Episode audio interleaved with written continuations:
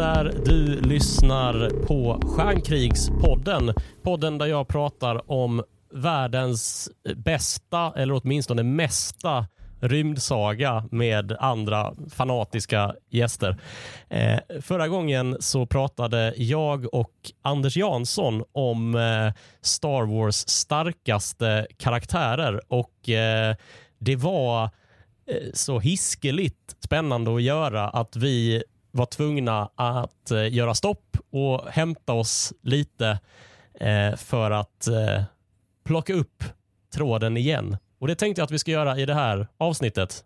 Men innan dess ska jag meddela att nu finns möjligheten att stötta Stjärnkrigspodden ekonomiskt på patreon.com snedstreck stjärnkrigspodden med A alltså kan du bli månadsgivare och hjälpa till att göra podden bättre och säkerställa att den fortsätter komma ut. Du väljer själv en summa som du anser representerar poddens kvalitet och det är alltså patreon.com snedstreck charnkrigspodden. Du som inte vill registrera dig på Patreon men ändå känner att du vill ge ett bidrag, du kan swisha och då är numret 123 141 51 99 och det numret finns i det här avsnittets beskrivning i din poddspelare. Så ta en kik där. Nu ska vi fortsätta prata starka karaktärer. Anders, är du kvar? Jag är kvar och jag är laddad för eh, del två i karaktärsdiskussionen. Det finns ju så mycket att säga om de här karaktärerna och det var precis det vi gjorde i, i del ett. Så man, vill inte, man vill inte stressa igenom detta utan man vill ju verkligen tömma ut detta enorma ämne. Precis. Och Förra gången så eh, utgick vi från våra listor och jag tänker att det är där vi hoppar på tåget igen. Nästa namn på min lista är eh, Leia Organa. Det är också nästa namn på min lista. det är helt otroligt. Berätta om Leia Organa. Jag vet inte hur gammal hon var, Carrie Fisher. Hon var väl inte 19. mer än 17-18? Ja, 19. 19. Ja, hon gick runt i sin vita, sitt vita lakan. Och kanelbullsfrissa. Um, I mitt fall så var det ganska komiskt för att när jag var liten så älskade jag Singin' in the Rain, så, um, musikalfilmen. Och den spelas ju då den kvinnliga huvudrollen av Debbie Reynolds. Ja, ja. Gene Kelly, Donald O'Connor och Debbie Reynolds. Och henne blev jag kär i när jag var liten. För hon sjöng, hon dansade och hon var glad. Det räckte för mig. Det är mina tre kriterier för att bli kär i någon. Är det okej okay om jag avslöjar för lyssnarna att Debbie Reynolds är Carrie, Fish, Carrie Fishers mamma? Exakt. Och det var det som var läskigt när jag insåg att jag blev kär i prinsessan Leia. Och sen fick reda på att ja, men det, hennes mamma är Debbie Reynolds. det var nästan lite, lite weird sådär att jag var kär i bägge på något sätt. Det var lite ja, creepy på något vis. Jag vet inte vem det var creepy för, men lite grann för mig. Carrie Fisher var ju en fantastisk person på många sätt. Mm. Om man inte har lyssnat på hennes eh, läst hennes böcker, hon var ju duktig manusfattare och hon gjorde en föreställning och en bok som heter Wishful Drinking. Som är fruktansvärt rolig. Alltså den är, den är, det är misär för att hon, le, hon växte upp i ett alkoholiserat hem och hon själv missbrukar ju en del. Liksom sådär. Men jävlar vad hon kan skriva roligt, Carrie Fisher. Alltså det är så roligt att höra. Liksom, hon läste in ljudboken när jag lyssnade på den och jag skrattar wow. högt. Liksom. Det är en fantastisk, den kan jag tipsa alla om, Wishful Drinking. Vad kul. Jättekul roligt. bok. Och ja. eh, gripande. Men, ja, men hon berättar ju typ att första gången jag typ fick en överdos eller jag fick en blackout. Då gjorde min mamma det som alla ansvarsfulla föräldrar gör i en sån situation. Hon ringer Ava Gardner en annan filmstjärna. och det, det, är, det är så fruktansvärt roligt när man hör detta. She did what any responsible parent would do. She called Ava Gardner. Det är bara så jävla komiskt. Så jag kan rekommendera den. Och Leia blev ju... Det är en väldigt stark kvinnoroll.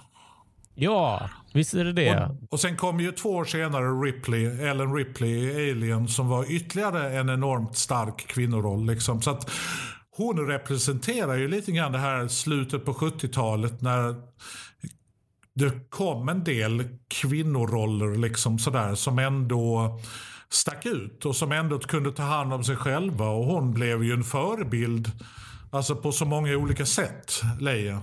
Um, Dessutom, min mamma kom ju från Finland och min mamma hette Eila. Så min mamma hade ju samma bokstäver i sitt namn som Leia. Wow. Och det var någonting lite skojigt med det. Det var någonting coolt med den. Och min mamma var också ganska kort och sa ifrån och var väldigt sådär tydlig.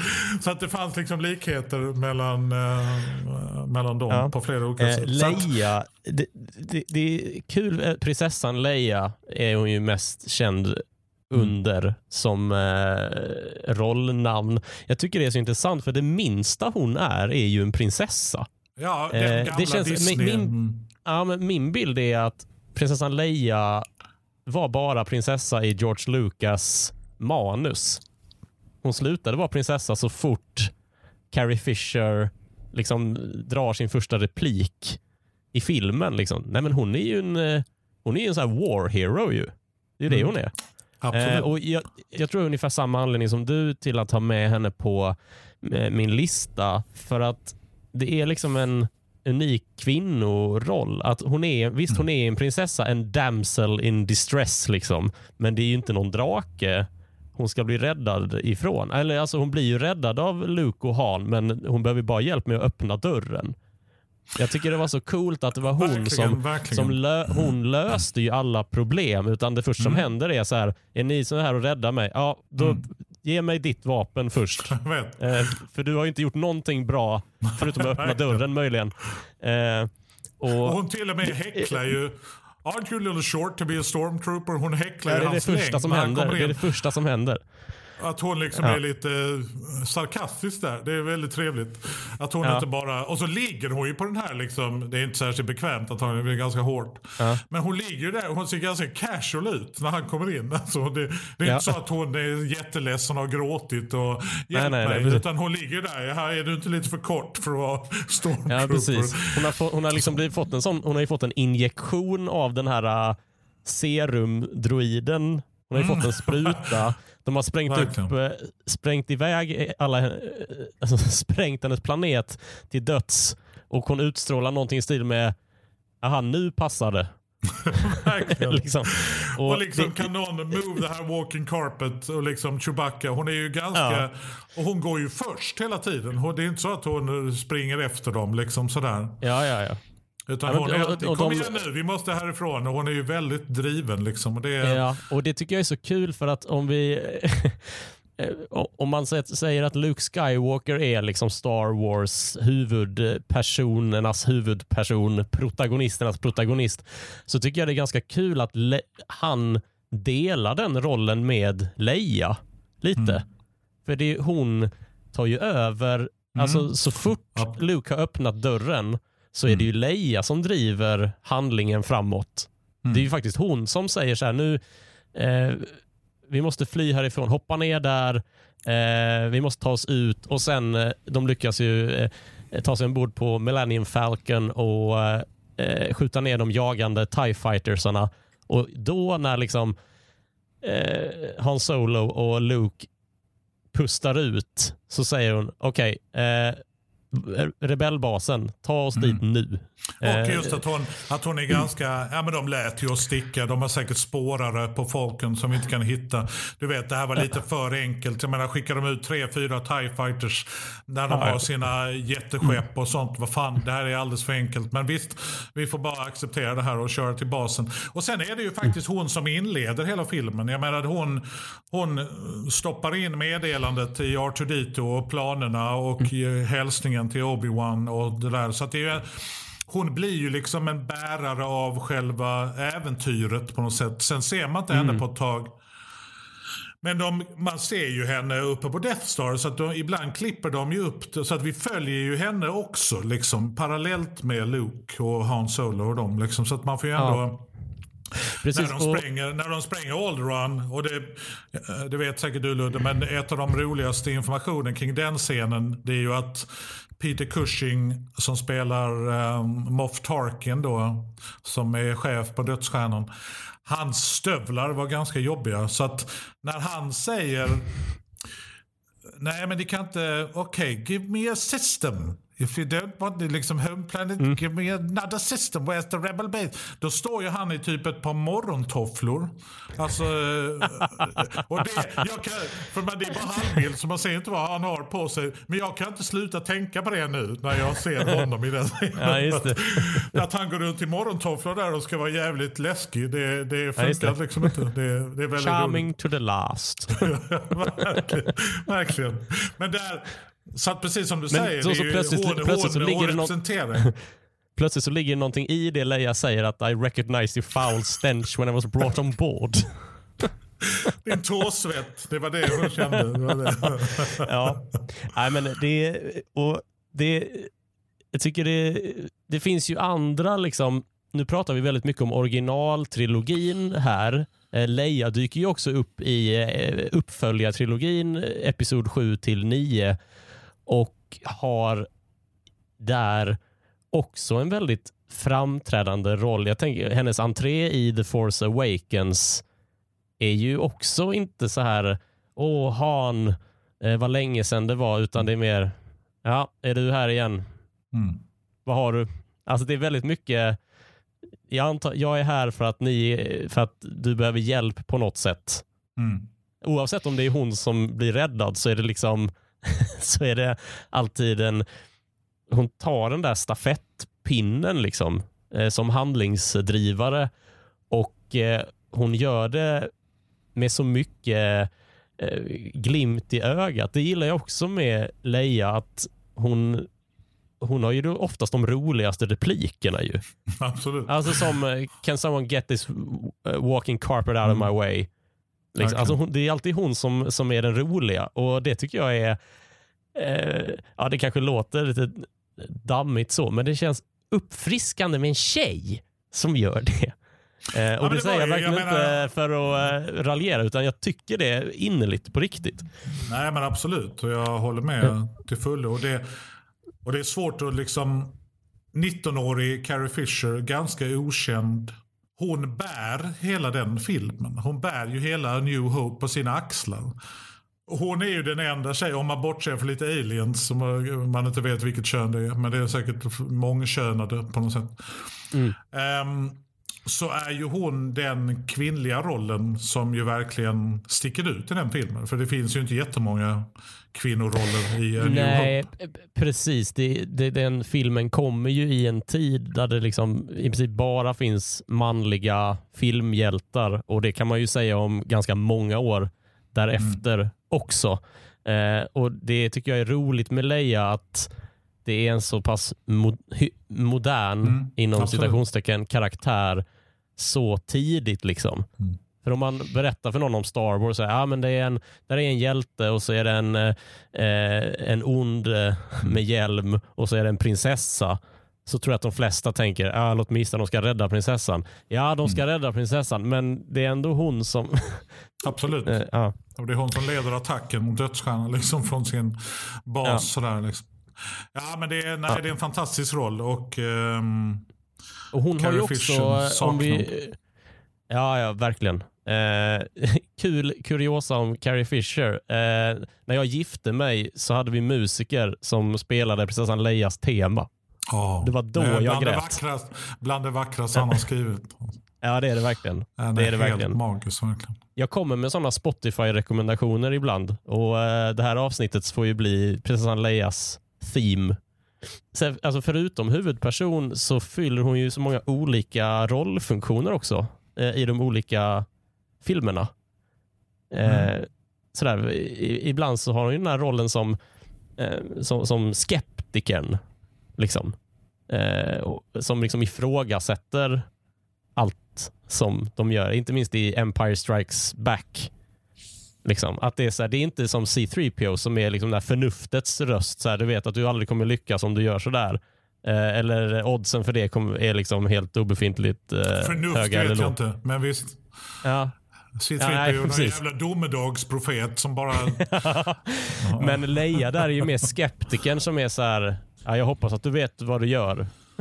liksom. Och det, det känns som att Carrie Fisher tog med sig ganska mycket av sig själv in i rollen. För att hon har alltid varit den här irreverent som kanske är lite sarkastisk och lite ja men du vet, inte på något negativt sätt, men kanske ser Star Wars lite utifrån samtidigt som hon är mitt i det på något sätt. Så att hon, mm, mm. hon, hon, blir någon slags... Eh, jag vet hon blir också en kommentator liksom till Star Wars ja. på något trevligt sätt. Jo, om, som jag tror inte George Lucas hade förväntat sig av henne. Men jag är liksom, till hans cred ändå så lät han ju ändå henne alltså bli den karaktären. Och det är ju ändå han som har skrivit manuset så att han ville ju ha en modern hjältinna. Liksom, för han ville ju liksom, det var ju viktigt för honom att hon inte bara skulle vara att en prinsessa som blir räddad. Men sen la hon nog till ganska mycket själv har jag en känsla av.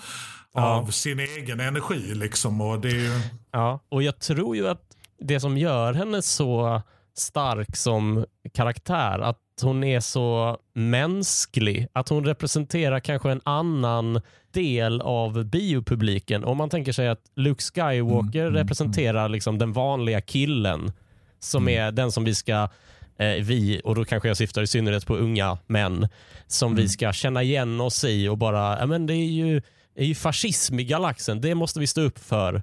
Mm. Alltså man hejar på Luke med så här, ja det där, så där skulle jag också gjort.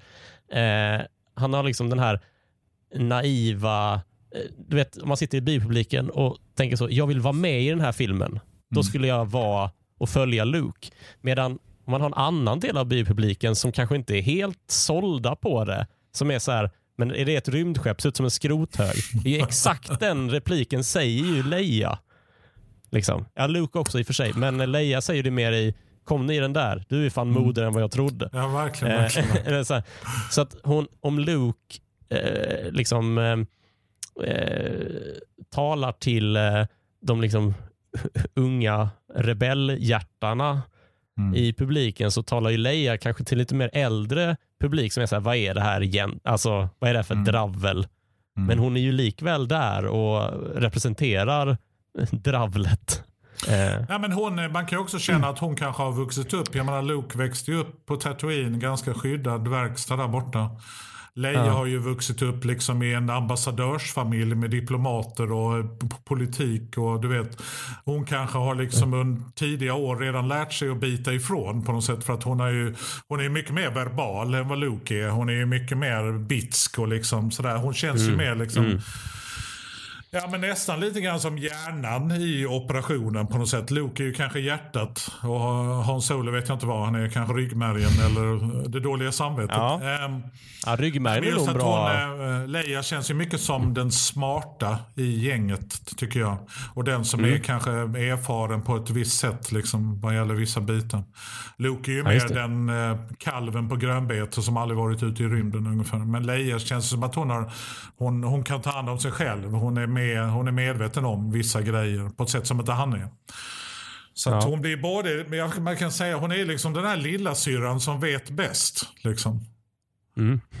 och alla ja. vet att hon vet bäst och det är ganska jobbigt när man är stora syskon till en sån människa. För att hon är så jävla smart och kan och duktig. Och så det, ja, är en, det är en trevlig, trevlig roll. Liksom. Ja, ja, visst. Galaxens Greta Thunberg vis. ja.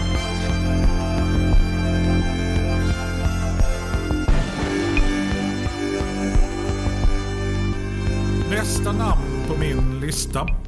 Om man tittar på några av de namnen som jag inte har med. Där finns ju allt ifrån Darth Maul, Obi-Wan, mm. Salacious Crumb. Ja, ja. Jabba the Hutts lilla, Jabbas lilla skrikiga råtta. Han Solo är med och så vidare. IG-88, mm. den här roboten. Så att, men jag, ja, ville, jag ville liksom ha någonting som representerar det nya Star Wars på något sätt. Mm. Så nästa namn på min lista, det är inget namn, det är siffror och bokstäver. Det är roboten BB-8. Ja, ja. Från eh, The Force BB-8 Awakens. BB-8 har nämnts tidigare i den här Eh, podden i avsnittet som heter Om robotar och droider. Vad trevligt. Nej, men, ja. Jag menar R2D2 och C3PO är ju legender i sin rätt på något vis. Men det, fan, det finns någonting med The Force Awakens, jag tycker att det är den bästa av de senaste filmerna. Även om det är Ja. mer eller mindre en remake av eh, eh, A New Hope. Det spelar ingen roll tycker jag. Jag tycker den är väldigt bra. Och trailern till den var ju helt fantastisk. Alltså det var ju en... Inte minst när Adam Driver... I will finish what you've started. Den repliken han säger den. Där var ju mycket gåshud. Så här. Och BB-8 är liksom ett perfekt exempel på hur jag tycker man ska göra Star Wars nu. Eftersom han är en klok blandning av CGI och verklig robot och män i grön kroppstrumpa som springer runt och rullar honom framför sig. Liksom. Så att han, han representerar det analoga Star Wars Eftersom han finns på riktigt. Och de rullade ju till och med ut honom liksom på scen när de satt i de panelen på Comic Con och pratade. Då rullade Mm, han ut. det. Och det är en sån otroligt likable man trodde ju liksom, ah, men R2D2 det går inte att slå det. Alltså han är så himla Mm. kärvänlig och liksom trevlig och har så mycket personlighet. Men från ruta ett så tyckte jag liksom att BB-8, nej men fan, det här, det bara, man blir bara lycklig av att se den lilla roboten. Och det spåret, det här rullspåret som blir efter honom. Det, och hans har ju egna ljud liksom som ju gjordes av Bill Hader och Ben Schwartz. Och han står ju också för ett, några av de bästa skratten i Force Awakens. Dels det när Ja, han det. far runt som en jävla uh, tennisboll i en tvättmaskin och han spänner upp sig liksom när Ja, de eh, rollar med Millennium Falcon. Men också när han ger tummen upp med sin lilla tändartumme till Finn. Just det. det Han, här, har, ju här några, jag, han har ju några sådana ögonblick som är bara... här vill jag stanna, jag vill stanna upp vid... Jag älskar Jag vill, jag vill stanna upp vid tändar... Jag vill sta- stanna upp vid tumme upp. Jag tolkade Ja. det som fuck you när jag såg filmen. För att Men det, är För bara grejen för är att du, det är bara för att du är Obi-Wan och jag är Chewbacca. Jag tolkar absolut detta som någonting positivt. Ja, men för scenen i filmen är ju så här att ehm, eh, Ray tror ju att Finn är eh, with the resistance. Att han inte är en stormtrooper. Alltså det vill säga motsatsen till den. För att han har ljugit. Finn har ju ljugit lite bara för att jag behöver hjälp snabbt. Och så här, är du med i resistance? Och Finn analyserar att om jag säger att jag är med i resistance så kommer hon hjälpa mig. Om jag säger något annat så kommer hon lämna mig här. Så han Ja. säger det. Men eh, BB-8 vet ju hur det hela ligger till ju. BB-8 Ja. tror ju att eh, Finn kanske rent av har dödat hans Dödat Poe kompis Dameron, ja. Poe. Mm. Ja, visst. Eh, och eh, i den här situationen då så... Och tagit Ja, till och med det. Kan, finns det något som är värre än att döda någons bästa kompis så är det ju fan att ta hans jacka efteråt. Men ehm, eh, i den här scenen då så eh, undrar Ray då, men var ligger er bas? Jag ska bara ställa in koordinaterna här, så var ligger basen? Och det vet ju inte Finn, men det vet ju BB-8. Så han frågar BB-8, eh, var är basen? Säg var basen är nu. Eh, och eh, bara, jo men kom igen, alltså så håller de på så här ett tag. Till slut så, så eh, säger, ehm, så säger BB-8 var basen ligger och det förstår ju Ray. Så hon säger, ah, är, det, är det Anolian? Jag kommer inte ihåg vad det heter. Mm. Ja, en- vi säger att det är det. Ja, Anolian system. Är det Anolian system? Och då säger Finn, ja exakt det är Anolian system. Och så vänder sig Finn till BB-8 och bara, tack som fan. Och som sitt svar då, då tänkte jag, fuck you din jävla jacktjuv. Absolut, jag, jag förstår. Eller hur? Jag Men förstår grejen är att jag har hört båda. Detta. Jag håller inte med överhuvudtaget, men visst absolut. Vi får, vi får gå in och syna denna i närbild och kanske Ja. intervjua de som ligger bakom. Men, eh, ja. Ja, men absolut, en spännande Men då har teori. vi de två sidorna av, eh, av historien. Eller de Ja, två absolut. olika versionerna. Absolut. det, är- ja, det är fantastiskt roligt. Men eh, Ja. jag tolkar det som en tummen upp. Men visst, jag kan säga att vi... Och nu måste jag ju rannsaka mig själv för att folk har kanske gett fingret till mig tidigare där jag trott att det var tummen upp för att jag såg lite dåligt. Eller Fast du bara har mörk. bett om en tändare. Exakt, exakt. Då får jag ett finger och så va? Men ehm, Ja, ja. ja, ja. Men, det, men så här, det här kan vi enas om. Jag skrattade då. ja, precis. Vi skrattade Det ju av två olika anledningar. På bägge, ja men absolut. Det, Det, var ett så brett bägge. skämt att det fanns liksom, det var tydligt för, ja, för alla. Det är ganska svårt. Jag menar, det var ju nog ett ganska knepigt samtal. Vem vill göra nästa Star Wars-film? Alltså det är ju ganska... Mm. Det är, vad man än gör så kommer folk bli arga. Liksom, så att, men de frågar ju ändå rätt person, tycker jag. För att säga vad man vill om JJ Abrams. Han har gjort en del skumma projekt och inte nått i mål på vissa. Men det är ju en jävla Star Wars-nörd. Liksom. Och han älskar ju Spielberg. Han var ju, fick ju uppdraget att rensa i Spielbergs Super 8-rullar. Och sen gjorde han ju filmen Super 8. Men så att Abrams har ju liksom, han har ju så mycket kärlek till sättet att göra film på och han förstår fansen. Sen kan man tycka att han förstår fansen kanske lite för mycket.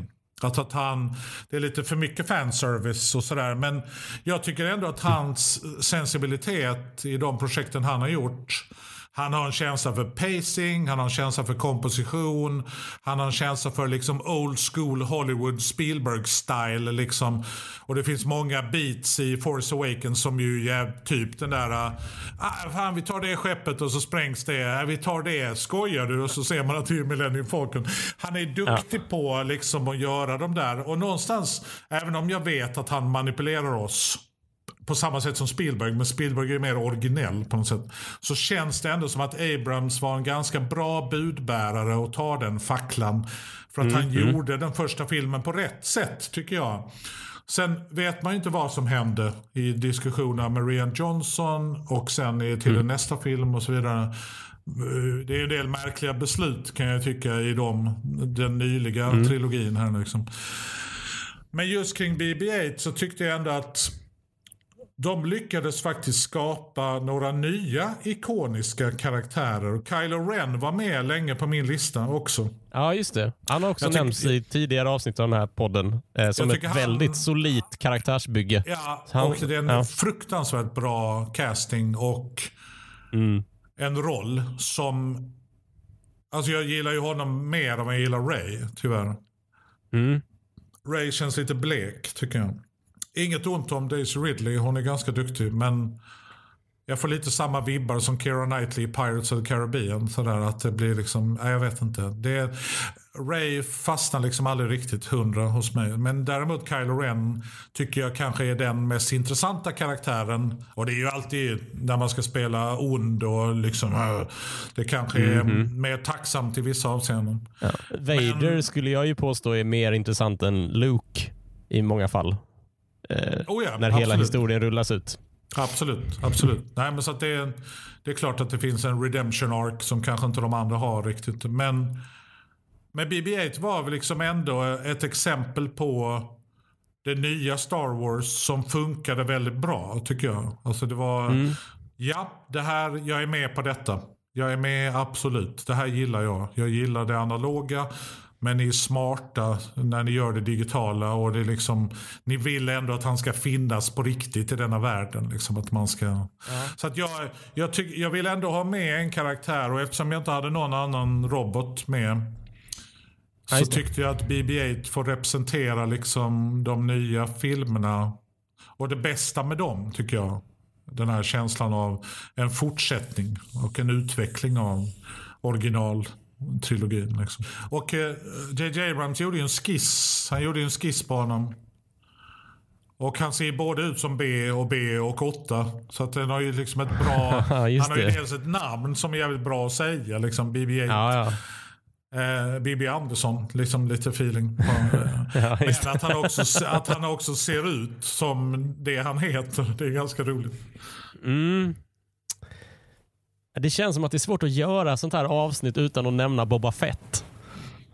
Ja, men han är en intressant karaktär tycker jag. Ja, och jag tycker att man kanske ska nämna honom i den omfattningen som han är med i filmen, det vill säga inte så himla mycket, eller i filmerna.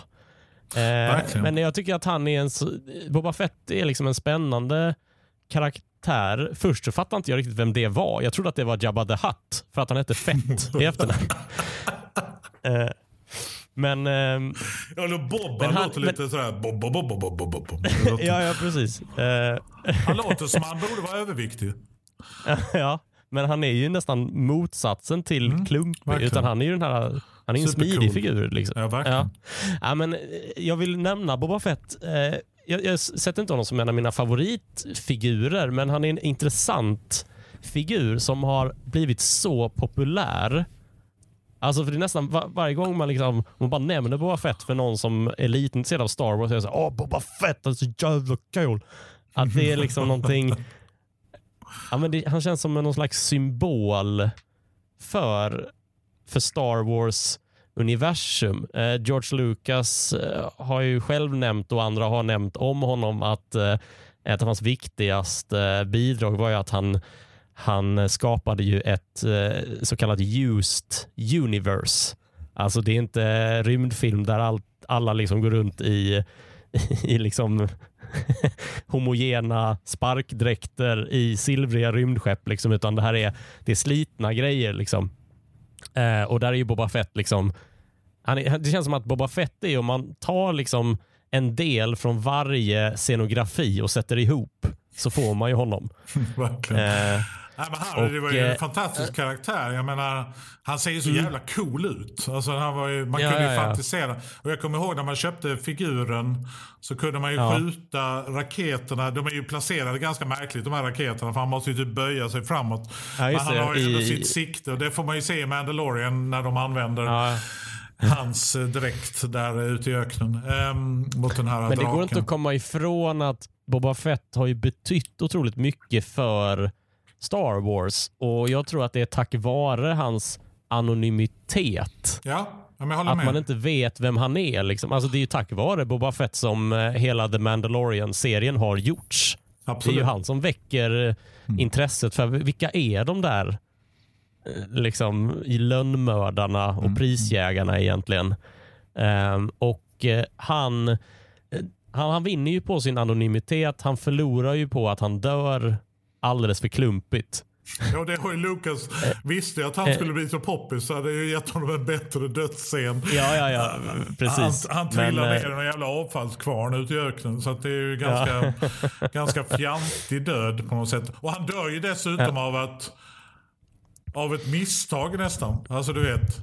Ja, ja, ja, det är Han Solo. Lockar så vänder han vänder han så, att han flyger rakt in i den där jävla bargen Ja. och trillar. Ja, men det, tankarna, det känns ju trist att liksom du vet, det hade lika gärna kunnat vara en scen, du vet när det är en så här byggjobbare som går med en planka och vänder sig om. Det är ungefär det som händer ju. Ja verkligen, det är mycket comedy i hans död. Så att det var inte så jävla dramatiskt. Ja, men framförallt så representerar Boba Fett eh, det här som också har, som har nämnts tidigare avsnitt av Stjärnkrigspodden, att eh, alltså, grejen med Star Wars är kanske inte berättelsen som sådan, utan grejen är att bara vara i den där världen. Och precis som Chewbacca då representerar ja, men i princip alla aliens, åtminstone i den första filmen när han är typ den enda alien som man får lära känna, så är det som att Boba Fett representerar ju någonstans eh, liksom galaxens yttre hörn. Att man förstår att Absolut. det här är ju en... Vem är han och var kommer han ifrån? Och det faktum att vi inte får veta så mycket om honom mer än att han är lejd för pengar för att hitta Han Solo för Imperiets räkning ehm, och, och sedermera Jabba the Hutts räkning så, så, så visar det liksom att men han är ju liksom en figur som, som försöker försörja sig i den här i den här galaxen och vad har han för uppväxt som gör att han har valt just det yrket? Det faktum att han var det första, Boba Fett är ju nästan den för, första som omnämns vid yrke. Alltså om man räknar bort bartender eh, då kanske, för jedi-riddare och rebell och eh, Piloterna. kejsar, ja piloter absolut, men de får inte betalt. De gör ju det för kampen ju. De måste ju betala hyran. Men visst, de kanske Jo, bor men i de sin bor. De, ja, men vadå hyran? Det är templet på Javin. Det, de betalar inte hyra för det tror jag. Det är på gränsen Ja, men till jag tror- hemlös. Ja. Nej men de stjäl väl, och så de stjäl väl, de stjäl väl antagligen eh, bensin till sina kryssare, alltså rebellskepp sådär. Jag tror inte man Eh, kan, ja, men jag- du det är kan något- inte driva en revolution med eh, glatt humör och lite pannkakor. Du måste ju betala folk på något sätt. Någon gång kommer ju folk Nej, nej, bli men- sura. Annars börjar revolutionen vända mot dig Ludde. Om du, ja, men det, Ja, jo, kommer, det kommer pengar. Vi kommer ordna en kickstarter till den här revolutionen. Så när det kommer Nej, in men- pengar så kommer ni få. Men just nu får ni, ni får hitta någonstans att ligga här. Och så eh, bjuder jag på hamburgare ikväll igen. Alltså. Ni får betala till rikskuponger. De gäller inte i Galaxen. Men det, ja. Precis. Så att, eh, Jag måste köpa nej. plankton, Admiral Akbar. ja, men, eh, men En du, det jag tänkte var... en fiskburgare till Akbar. Min poäng är någonstans att jag tror, att jag tror att Boba Fett hade haft samma yrke eller samma försörjningsteknik oavsett om det hade varit revolution eller inte. Absolut. Ja, Liksom att hans yrke är ju mer konstant. Liksom, att han är ju mer så här, de an, alltså, om Luke och Leia följer sitt hjärta och Vader Ja, följer... följer order, ja, liksom. mm. Ja, precis. Så Boba Fett är ju bara någon som försöker eh, överleva mitt i allt det här. Absolut. Nej, men jag håller med Liksom. att han representerar, det var bra sagt, att han representerar eh, the outer rim liksom av eh, Ja, ja, galaxen på något sätt. Och den scenen när man får träffa honom och de andra, Bosk och IG-88 och de här andra prisjägarna. den är ju Mm. ganska cool liksom. Och, och vad som är kul med Boba Fett tycker jag är att han är en av de få som vågar liksom vara lite dryg mot Darth Vader. Eller han liksom, Mm, ah, fan det här, det här var inte vårt avtal. och He's worth more to me alive. Du vet att han... Ja, ja, ja. Det är precis som att det här är en business. Jag skiter väl om du är en jävla jedi sith idiot Men det, här Det kanske är jag- någonting med eh, liksom, hjälmförsedda emellan. Det Jo, som folk med Volvo, du vet, och hälsar på dem. Att alla vi med hjälm. tror att det är- Alla vi med ja, hjälm. men jag tror det. Att det är så här, Jag vet hur det är att Hjälm. leva med hjälm. det har jag haft det hela mitt liv. Ja, men när man då får reda på Mandalorian att han har ju verkligen haft den hela sitt liv. Så att, Mm, om man nu är så trogen den här The Way. Men, nej, men han, han blev ju också en av de mest sålda leksakerna för att han var ju så jävla cool. Och Mm. Vad som var lite häftigt med figuren det var ju att hans mantel den var inte gjord i plast utan den var gjord i tyg. Så att den föll Ja, ganska det. snyggt. Liksom sådär. Ja, det är Men, coolt De ju. tidiga figurerna hade ju typ såna lite hårdplastmantlar och sånt. Och det var ju Mm, bra när man typ skulle ställa dem i bokhyllan för då stod de ju med hjälp av den. Ja, Men i Boba Fett så var det liksom en tygbit och det var liksom lite coolt på något sätt. För det kändes mer Mm. Det, jag, det minns jag från eh, Star Wars-legot från min barndom. Mm. ja, ja, att, det var exakt. lite, att det var lite, man fick ju mantlar till eh, Vader och Darth Maul och sådär. Precis. Och så minns jag så här att eh, min och min lillebrors Darth Mauls mantel blev liksom lite nopprig sådär efter ett tag. Exakt. Efter många lekar liksom. Och det var ju också lite coolt för att det var... Att det var lite Det var sliten. ju- Used universe. Ja men, ja men precis, precis. Nej men Bobba är grym. Han är cool. Och ser man då Mandalorian som ju faktiskt var en väldigt bra serie tyckte jag. Den blev ännu bättre i Ja, säsong ja. två. Så får man ju ta del av hela Mandalorian mytologin ännu mer. Liksom, så att han, eh, han växer ju även i den filmen. Liksom. Och där är ju riktigt jävla köttig när man får se honom slåss. I det avsnittet när de är ja, vid det här templet som ska prata med lilla Grogu. Han Mm. Ja, är ganska kick-ass med sin... eh, där då skådespelaren som ju har rötter i aborigin, eh, liksom, Ja, han ja har, det. det där vapnet är ju liksom en aborigin style weapon. Liksom, sådär, så Ja, just det. En förlängd uh, gaffy-stick. Mm, Sun precis. Med en People-klubba. härlig, härlig klump som kan krossa Mm. stormtrooper armor. Ska jag ta min sista? Det tycker jag vi ska göra. Och detta är också en karaktär som representerar det nya. Ehm, inte det allra senaste, men även där uh, dök hon ju upp. Och det är um, jedin Asoka Tano.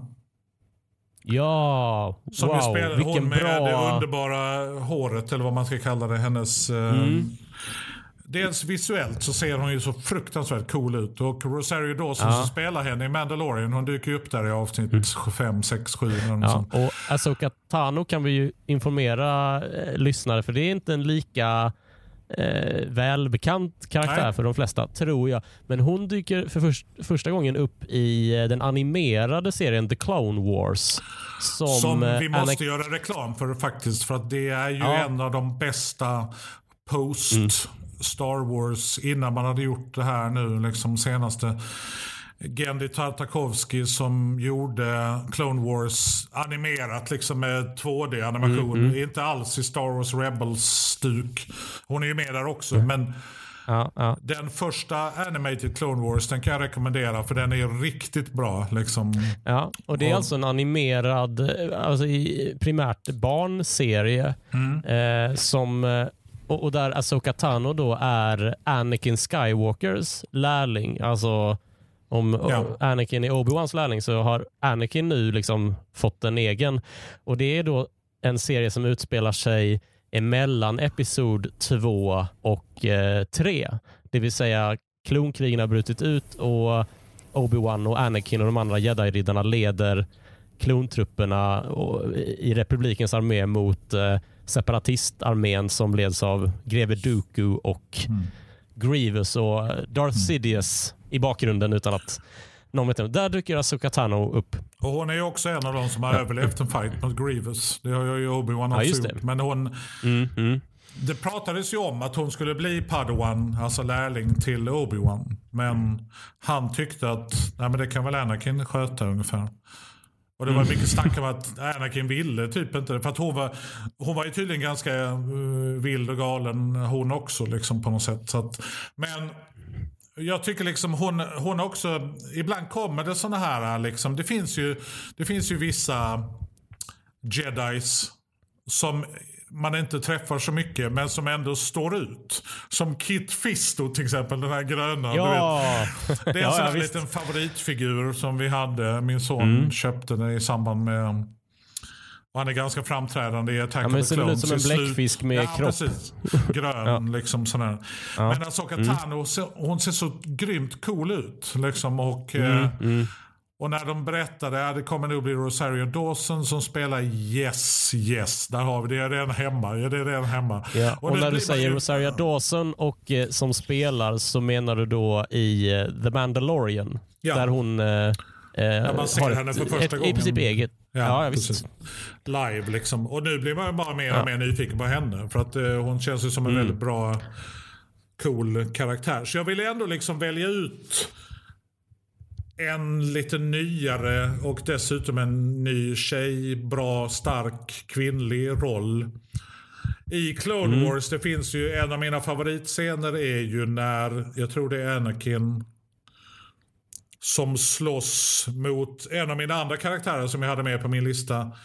Asai Ventress, hon den här, uh, hon är, Ja, inte, en, hon är inte en Sith, men hon är typ en sån här akolyt. Alltså hon, ja, hon lyder under någon, vem det, om det är Doku eller vem det nu är. Hon har ju två Ja. sådana svängda eh, lasersvärd. Som Doku har ju en Ja, liten det. kurva på sin. Sådär.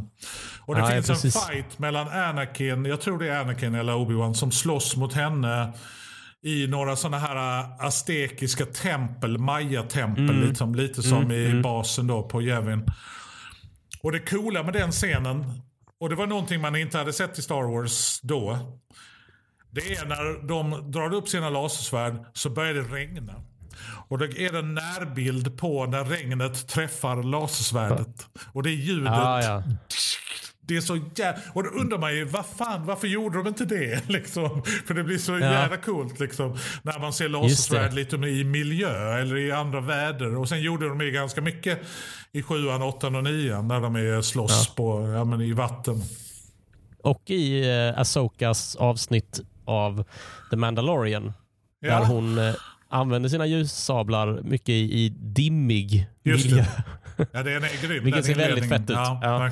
Får jag nämna en annan eh, eh, fight-scen där Asoka Tano är involverad? Mm. Det är i serien Rebels, som också är en animerad eh, Star Wars-serie eh, som kommer lite senare, som då utspelar sig efter Episod 3, det vill säga Mm. eh, när Anakin är Vader i rustning. Mm. Eh, handlar om en liten grupp rebeller, men de stöter också på Asoka Tano på sina äventyr. Eh, och där har Asoka och Vader en duell. Oj. Där Asoka inser att fan det där är ju, det är ju Anakin.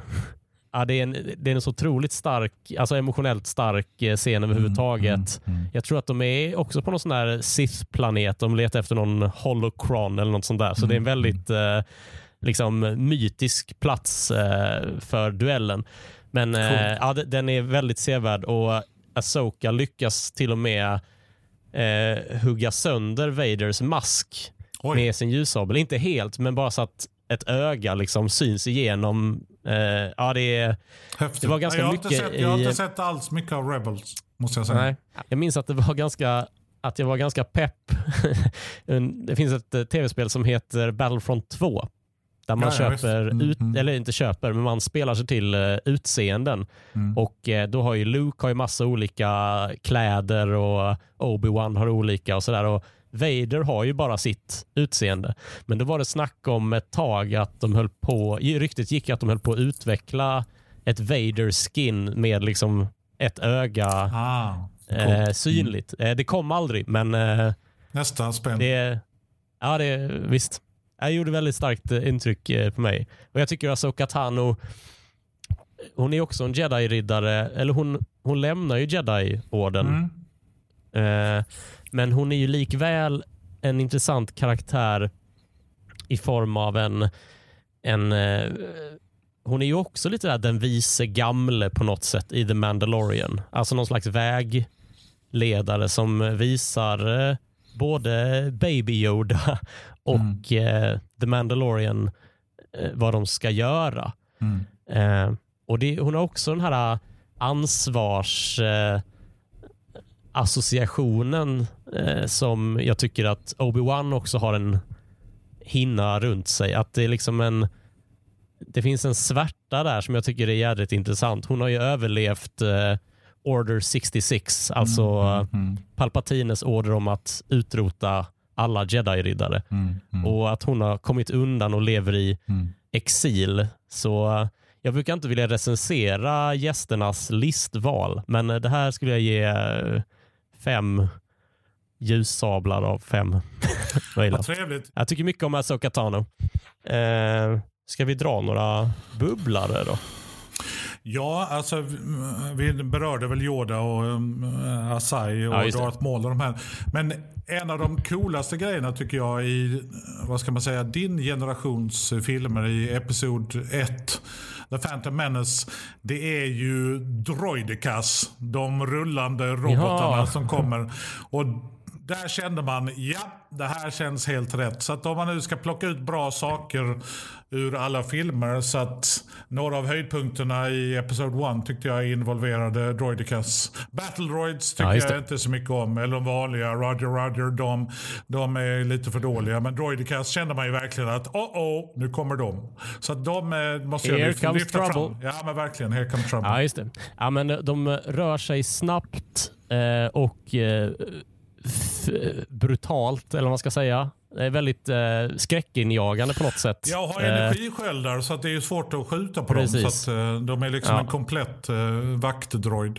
Eh, min bubblare är eh, kraftens mörka sida som en karaktär. Oj. Eh, och det kanske eh, är väl eh, förkroppsligas ju av kejsar Palpatine Mm. då och då. Eh, men, ja, men jag fastnade för det, för i många eh, berättelser så finns det ju eh, återigen en annan arketyp. Eh, den som kallas för konantagonisten.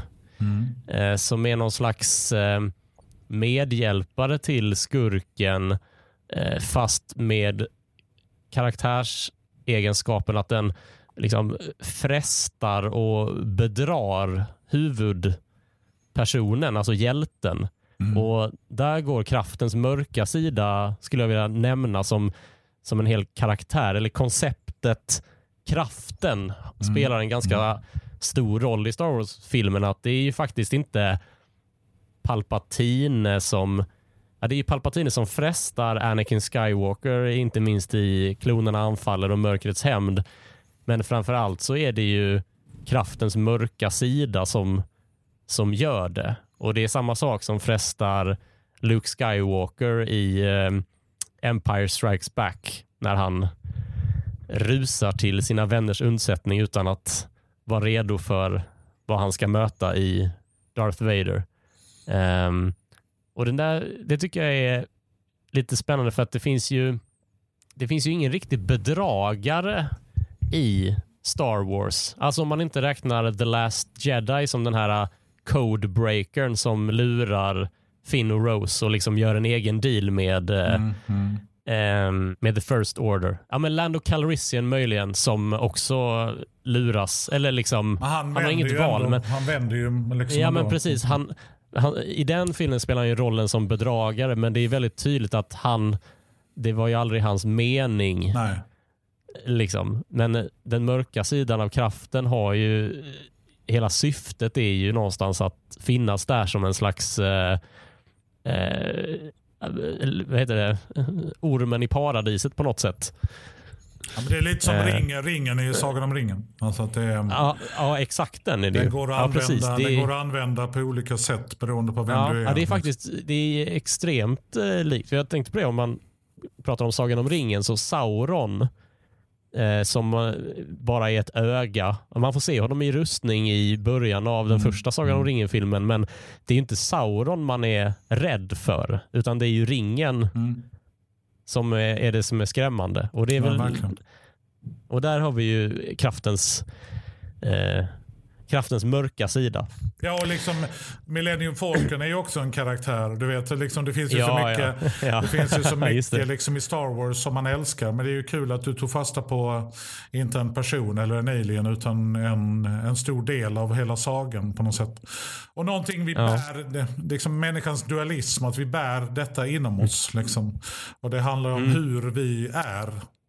För att liksom inte bekämpa, men att framförallt inte bejaka ondskan inom oss, för den bär vi ju allihopa. Mm. Och det är också, eh, det kanske också gör någonting med Star Wars eh, mm. eh, impact sådär att det är, det är liksom inte en, eh, en skurk som bedrar oss. Att så bara vi får bort den där personen så kommer mm. allt lösa sig. Nej, utan verkligen, verkligen, vem, vem som helst kan liksom bli vem som, det, det är en kamp mot dem själva lika mycket mm. som mot eh, imperiet, the first order eller handelsfederationen. Nåväl, ska vi låta det vara slutordet? Det tycker jag är mycket klokt. Då så. Vi har pratat eh, nu i ett par avsnitt om Star Wars starkaste eh, karaktärer. Um, och det vore ju oschysst och orättvist om vi inte gav de svaga karaktärerna lite utrymme. Eh, men det tänker jag att vi gör i ett avsnitt längre fram. Där finns det mycket att prata om. Mm, jag tror det. Eh, men för tillfället så säger jag Anders Jansson, tack för att du tog dig tid ännu en gång. Ingen fara. Det här är bara en ren glädje. Tack själv Ludde för att jag fick vara med. Eh, och du som har lyssnat och har gjort det så här långt, du ska ha ett stort tack. Du har lyssnat på Stjärnkrigspodden. Glöm inte att prenumerera i din poddspelare eller följa den om du sitter med Spotify. Eh, när du ändå är där så passa på att ge Stjärnkrigspodden ett, eh, ett betyg eh, för att visa eh, vad du tycker för andra eh, potentiella lyssnare. Eh, jag som gör podden, jag heter Ludde Samuelsson och eh, säger tack för den här gången. Vi hörs nästa.